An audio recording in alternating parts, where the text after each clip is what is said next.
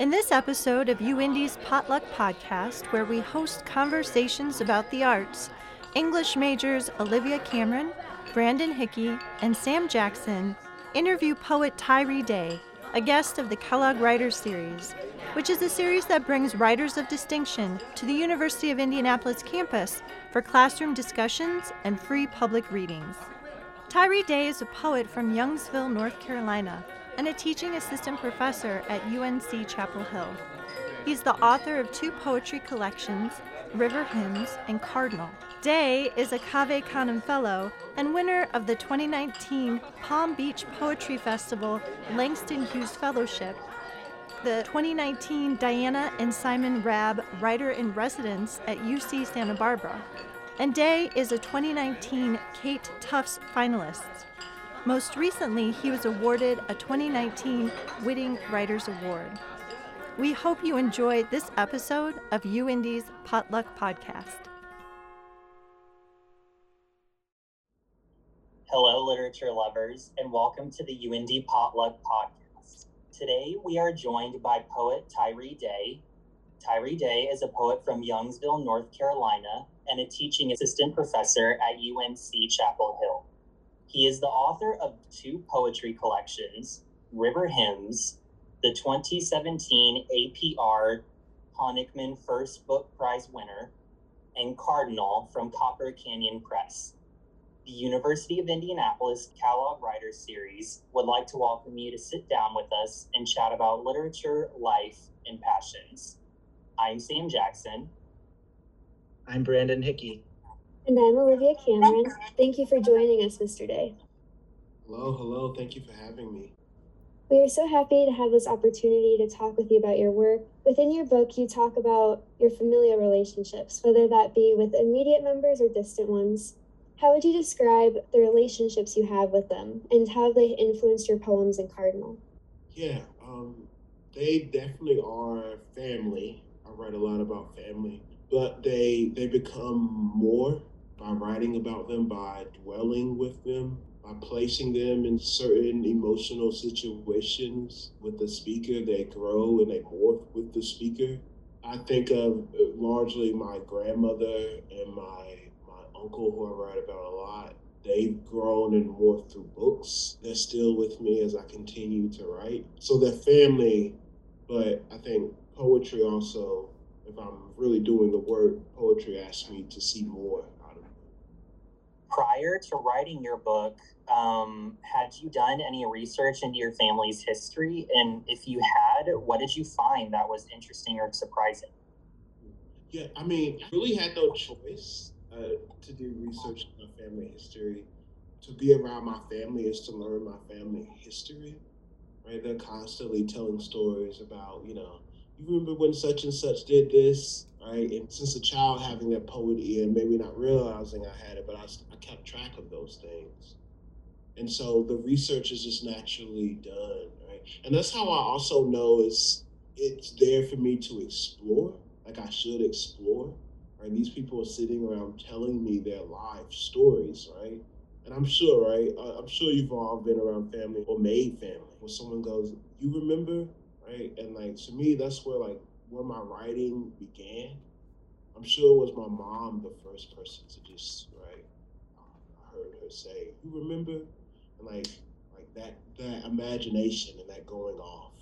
I guess later in re- research is when I was writing both River Hymns and Cardinal. Is sitting down with people and that you know, can you tell me that story again that you told me, or why did such and such do this? You know, it's not really building this intricate world. So, has writing about these topics of um, your heritage and you know your family helped you to heal any personal or generational wounds? I mean, the ritual of writing, I guess, has healing aspects, but to me, writing is like a wound that like you kind of have to go back to. So this is about to get a little graphic you've read my work. It's like to me, I think of it as a wound across the chest that like you go to while it's bleeding, right? And you're like looking at the wound and then it heals itself. And you're like, oh, I'm gonna take a little break, and then you go back to the wound again. but also that to me, that's what it means to be a human being, right? That we go through these emotional shifts. Yeah, so it's, you know, go to the wound. What is the wound doing? Right? What does the wound have to say? The wound heals, right? That the, the me going to the wound is the writing of that, right? Writing those poems. That work goes out into the world. The wound is healed. I'm like, oh, I'm gonna take a little break, and then that wound starts uh, starts feeling irritated again. You know, like wounds do. And you go back and look at it, like, why are you feeling like this? And you start to dwell with it again. That's that's how it works for me. So, listening to you speak, it sounds as if your family has this history of discussing their past and kind of their shared history as a family. And it sounds like writing this poetry about your family and those experiences is the is one of the ways by which you yourself continue that tradition. Oh, beautiful. Yeah. Um, yeah, that's it really. And I'm also, you know, in these memories, I feel like there's hidden messages that I can use to make meaning of where I am today. And so, like, I go back to go forward. I look for those small things in those memories that may be something, you know, this unheard thing or this unseen gesture an, an uncle might have made. And, and I use that to try to make meaning of, you know, wherever I may be emotionally in the poem. That's wonderful. So, uh, some of the poems contained within Cardinal vary in their structure and format. At times, they can read off the page as traditional, or they can put forth an impression of an experimental nature. How do you determine what kind of formatting any poem uh, calls for? That's I'm sorry, I, I take that as such a compliment that you all see that because I, I like to show people like when I'm playing, I want you to know that I'm playing. You know, it's all about the language. Uh, the language tells me what it wants to be. And I just gotta really trust my own intuition, trust all the craft work that I do. To me, to just trust the language. You know, sometimes I think I've learned that putting too much air between your lines will trick you sometimes in making you think they're better than they are because they have, I think of all the air, but they have that looseness to them and they just feel so poetic when, right, but if you put them close together, they might not do that same work. I learned that certain fonts can also trick you into lines. I'm also learned that, you know, an image, you can see an image, right? I can make you see it, but also I can do something on the page to represent this image, right? And I'm not saying, you know, I'll show you a bird and so the poem's in the shape of the bird. But maybe, you know, when I'm showing you that bird, I take the time and hit that space bar on those lines a few more, right? Maybe I'm doing a little extra there. You know, if I'm showing you a ghost, the language just doesn't act like it usually does, right? Maybe it does something else. But really, it's, it's the language that tells me. Many of these poems contain a great deal of emotional depth. You write about such personal and difficult subjects. One example occurs in the poem Miss Mary Mack Considers God. The line where you write, God is two black children sitting under an old oak tree that has not had blood wiped on its bark, on page 34. When they come across these pages, what message do you hope the readers will take from them? I have no message for you. I hope they make you feel something uh, emotionally inside of you. You know, like images are just emotions, right? And so I can't just say, I am sad. Uh, you can, uh, and maybe some poets that can get away with that, right? Uh, but I don't think I can. And so I try to give you an image to represent that emotion. And so I don't have any, it, there's no messages in any poems. There's a bunch of feelings I'm trying to, right? I'm trying to, I'm trying to like shake your nervous system so it's almost as if the poetry is more for yourself than it is for any kind of message to put forth. You're just saying what is, what you think, and then putting that out into the world for other people to hear whatever they may take from it. Is that an accurate way of uh, portraying your poetry process? Yes and no, but I want to stick with the no because I I think I know why it's no. I want to say more like I'm playing an instrument and I'm trying to use that instrument to like tell the truth. But it's more of an instrument to me, really.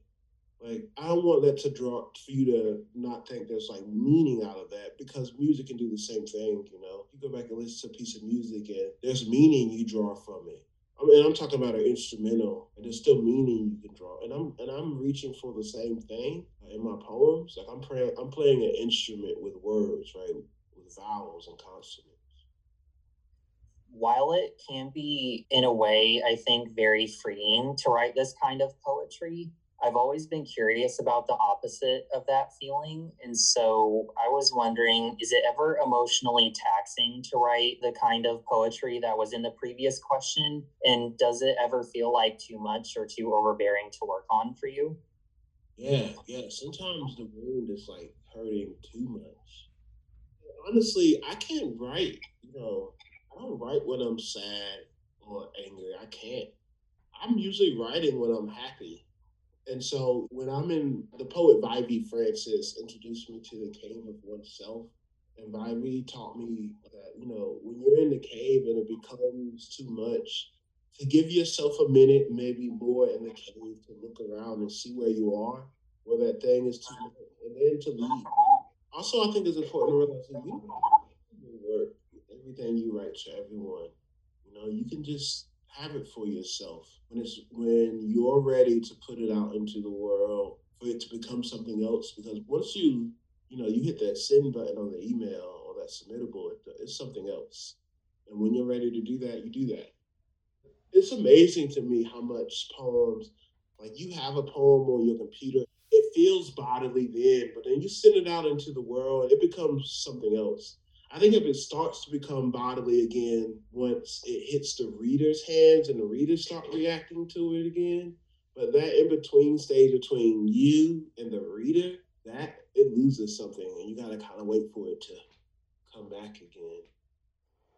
And I loved how you would sometimes include a dedication before one of your poems. And I found that this added kind of like an endearing quality to your work. For example, with Leave Yourself All Over, you dedicated it to grandmother Carrie. But I wondered, is doing that a conscious decision before you write a poem, or are they added afterwards when they're finished? Yeah, that's usually for me. Like the language is, I, I wrote that poem, and that poem was like, oh no, this this is your grandmother you're talking about, and so it told me that that was the dedication. I mean, that's usually how it happened for me the language ends up telling me.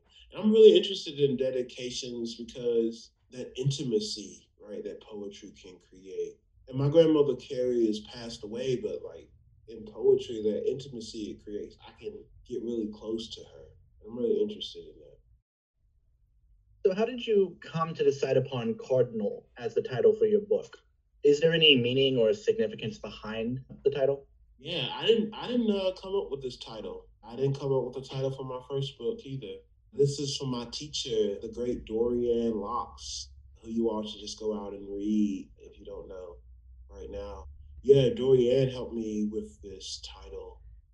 So Cardinal works several ways in this book. I think of cardinal directions. I think of Cardinal the bird. And so that title works so well because of how much work it does. So we're constantly moving out of North Carolina, and cardinals are also a vehicle for this poem, right? So that bird cardinal becomes other birds, right? And it's a way to kind of grow that theme while you may not have came up with the title, were you aware of the fact that in certain regions of the United States, cardinals are associated with dead loved ones coming to return to you? I find that considering your book's focus on communicating and expressing familial history, that that's a very good connection. Do you have anything to say on that or on the collection's relationship with your family history? Yeah, so I grew up being taught that when you see a cardinal, which was referred to as a red bird, that when you see a red bird, that you blow a kiss at it for good luck. And I also was raised that when you see a red bird, that it is a family member. And I still believe in all this. Um, this is very much also part of my writing practice. I believe in magic because if you start looking for it long enough, it shows up. And so I remember I was leaving out of NC State. I was in the MFA program was like, I'm gonna. I was thinking about should I send out river hymns or not? and I was walking up the little by the bell tower, walking up the hill, and two cardinals landed, and it was a the ash colored one, a female cardinal, right, and another cardinal, a male cardinal. I was like, oh, that's that's that's my grandmother and uncle right there, right, giving me this sign. And so those moments, like those are not only like like spiritually, like they're important to me, but just the image alone, uh, to just making sure I'm paying attention you mentioned spirituality in that. To what extent would you say that uh, spirituality has affected your poetry, not just in this collection, but over the course of your career? I know there is something otherworldly going on around us, and poetry, figurative language, is the closest I can get to that world. And that's really all the language I really have for it, I think, for now. But yeah, like there is no like that turning up the volume of language gets me closer to that otherworldliness. Um, so you do include photographs in Cardinal. So I'm just wondering what led you to include photographs within your collection and how did you choose which ones you were going to include? Oh, thank you for that question. That so that came about at the end. Um, you know, I had these photos. I mean, I had the this book of me moving around and I remember those family trips and the photos that we would take. And I'm like, how can I how can I have this book that we're moving around, but there's no moments of like where we actually stop and say, let's remember this, like in a book about remembering. And so it just started to make sense. And also if you go back and look at those poems, they're not supporting the poem and the poems don't support them, but they are very much in conversation with each other. They're amplifying each other but if you look at those photos, I blurred a lot of the backgrounds purposely so we focus on the individual, so people lift from the page. So I was wondering if you could share with us your relationship to nature and how that has affected your poetry. I spent a lot of my childhood outside, and so that obsession. I'm sure you've all had a moment. Uh, you all from the country. You all from the north northern country. I'm sure you've had a moment in your life where if you've ever been in the woods, you're just surrounded by woods and that the beauty of it, the horror of it, and those are really all the things you need for a poem. The little critters running by. Uh, even thinking about it now, like there's the wonder, right? There's just, I, I believe that like if we really pay attention to nature, it's constantly talking to us, right? I'm usually talking to myself when I'm having some type of issue, asking nature, like, you know, give me some sign. And then something happens. And I know the biggest part of this is belief, right, and faith, but that's writing. Like mm-hmm. literally keep to keep going. And so like that's the big to believe, right? That's half of it. And I think nature, you know, good lines take the expected and the unexpected and they bridge them together. Well, I think nature is just a perfect thing for that. Right? Think about a bird. So, in one world, in the rational world, there's the bird, but in the irrational world, we can make meaning of its flight. And so, when you mash those things together, we can make something new, right? The bird becomes something else. That's what I'm interested in. Now, in your book, Cardinal, something that I found really interesting was how there are some like connecting threads from like one poem to another. And I was curious to know if there are any thematic connections to be made between How Do You Get to Harlem and Ode to the City? I don't have that poem and those poems in front of me, but I know I can say, you know, once I'm getting into a collection, certain poems will tell me to write other poems. I will never sit down and say, I'm going to write a poem about this, right? But I will let another poem tell me maybe we need this. And that's usually further on into a collection. And also, you know, in a collection, there's larger themes that I'm trying to break up. And so I've realized that and write a certain poem that I think is adding more complexity to that theme or trying to make that theme smaller and more universal. But also, when I'm in a mode of periods of writing, and that's how I think of them uh, as collections. I'm in different periods of writing. I'm just writing, and those like the natural connections start happening, and then I have to go and figure out like, oh, this is what your son do, right? it's very much like a puzzle. So, in your poetry, you make reference to the nursery rhyme character, Miss Mary Mack. Is it safe to assume that that nursery rhyme, as well as potentially others, were a noticeable aspect of your childhood? Yeah, my mom used to sing that all the time. Yeah, I love that nursery rhyme. I also love that like there's all these different versions. Like no one actually knows.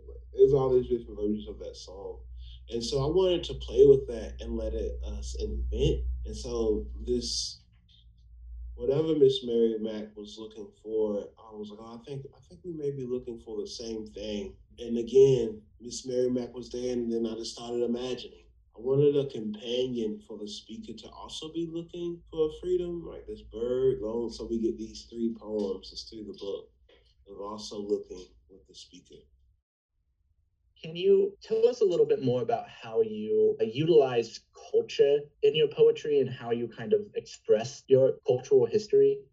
You know, I think if you're writing well, you're filling your poems with particulars, right? So when you read my poem, it can be no one else's poem. And then if you're doing that, you're filling your, your with, you, with what you know, right? How you would talk to be in the world, right? And what that world look like around you. And so if all of us are filling our poems with these small particulars, I think it will just do that, right? That your culture, you will be able, it will start to move, right? How you see the world and how you will talk to see the world will start to grow out of that for me, you probably learned that my family talks a lot about ghosts. There's also, you know, I think there's also a quiet rage in my poems. I am, and I think these new, my newer poems have convinced me of that. But the speaker of these poems, they're violent, right? All of that's there. Your poems show your personality. All that grows out of it. It also shows you the people you were raised around, right? I think that shows up a lot in my poems. That violence also work and also, I think there's love in there, right? That love for the dead and the living. I noticed the other day, I was thinking in my head that in my poems, when the living let me down, I usually turn to the dead. That's very much true in river hymns. Cardinal is even more of a turn towards the dead. Is recognizing that the living part of the world is not fun, so it's turned towards the dead. I think my newer work is just a complete like stepping in that world. It's more of a bringing the, the dead over here to this world, like you know, pulling them over. Okay, so the hard part is over. Um, that was most of our questions, and now we have some fun ones for you. What we would like to call the lightning round, if you will. Olivia, would you please start us off? Okay, um, first question is what is your favorite book? My favorite books are probably Toi Derricotte's Tender, Lucille Clifton's Good Woman, and Up Jump the Boogie by John Murillo. Um, what do you think was the worst book to movie adaptation? I don't really watch book to movie adaptations. That's fine. Well, what was the most disturbing book you've ever read? Uh, the most disturbing book and the best best possible way to be disturbed is a visitations of spirits by randall kenan when do you write? During the day? I found myself now during the hottest part of the day three o'clock bright a lot of sun. It takes me a while to get warmed up but not like after three o'clock i'm i can't really do much else when I was younger, it mm-hmm. was nighttime. Like that's when the cosmic could come alive for me. Now the cosmic is definitely in the morning, in the in the light. Do you listen to music while you write? Yes, yes, yes. I push that for writing. I think, you know, trying to get a certain tone in a poem, that music is good for that. And so if I'll play a Nina Simone song in the background, I ask myself, what's the tone of this song? What vowels make sense, right, in this song? Uh, what vowel pitch makes sense in this song? What images would make sense, right, with the song? What words don't fit? And so that music gives you a little constraint, right, which gives you a little way to shape a tone, right? That way, that's how music enters, right? We can do the same thing in a poem. So if you go online and you just type in vowel pitch, it'll pull up the Wikipedia, a very simple little vowel pitch. That's a great one, right? So think about if you wrote a poem in the in the key of coats, right? That o o o sound, and what that oh, that longing sound, what would that do for you as a tone? If you're at my reading tonight, like think about the vowels that I use. I, I I'm usually in that lower register, right? And to me, that's where death and blues, that old, that moaning sound exists. So yeah, I'm big on using music. Also, think about pulling up your hometown, like wherever you consider where you are when you was a child. Pull it up on Google, your Google Street View, and then find a theme song that matches that to just play and then start moving around that town on your screen and see what that does to that town right you'll start to see that town differently and that's what you want to try to capture on the page i want to ask what is your favorite nina simone song winds don't blow the mono version of uh, the complete live version of live at newport Willow Weep for me is great. Nina Simone singing Summertime is really fantastic. Trouble in Mind. And so that song's playing around my triggering town. How does that change my town? You know, when I get to the corner store and that, that song's playing, that's no longer the corner store. It's somewhere else, right? It's something else. And I think music can do that for us. I, I want to say something else though. Um, if you wrote out the syllabic pattern of my poems, most of them would sound like this. Uh, one one syllable count words and then usually a two, then back to one. That also sounds like sitting around a fire to me, like a chanting, but all, which also sounds like Nina Simone. And so our the what we how we the syntax of our poem, right, or the the syllabic pattern of our poems can also do some work with tone. So, right, so it's not only the image, it's the way that cadence we also give. So this, so this makes sense to me. So, who is your favorite author?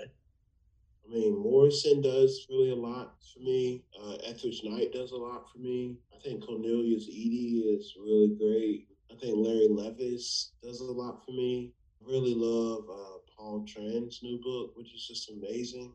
There's so many poets. I don't, yeah, I couldn't even. It's like like having a favorite. I don't even know, like a favorite sky. I guess you could have a favorite. That's even easier than picking a favorite author. Um. So, do you have a Twitter account, and do you like using Twitter? I have a Twitter account. I do not like Twitter. I'm gonna stop there though. I don't want to say much so, which do you prefer, hot weather or cold weather? Uh, hot if I'm trying to write. I can't write when it's cold outside. I can't. I can't write if I'm not outside. Uh, Olivia, you said uh, that you write inside, but even your writing was by a window. So it's something about that outside, right? We need that. I think maybe we need that something we're reaching towards. But for me, it's hot if it's hot outside, I'm outside writing, but I can only sleep in the cold. Like it has to be cold when I'm sleeping. Thank you so much, Mr. Daye, for joining us for this discussion. And thank you to our listeners for supporting our Kellogg Writers Series student run Potluck podcast. Thank you for listening to the UIndy Potluck podcast, hosted by students and faculty of the University of Indianapolis. We would like to thank our guests in the Shaheen College of Arts and Sciences. To learn more about the UIndy Potluck podcast and to hear other episodes, please visit etchings.uindy.edu forward slash the hyphen potluck hyphen podcast. Thank you for your support.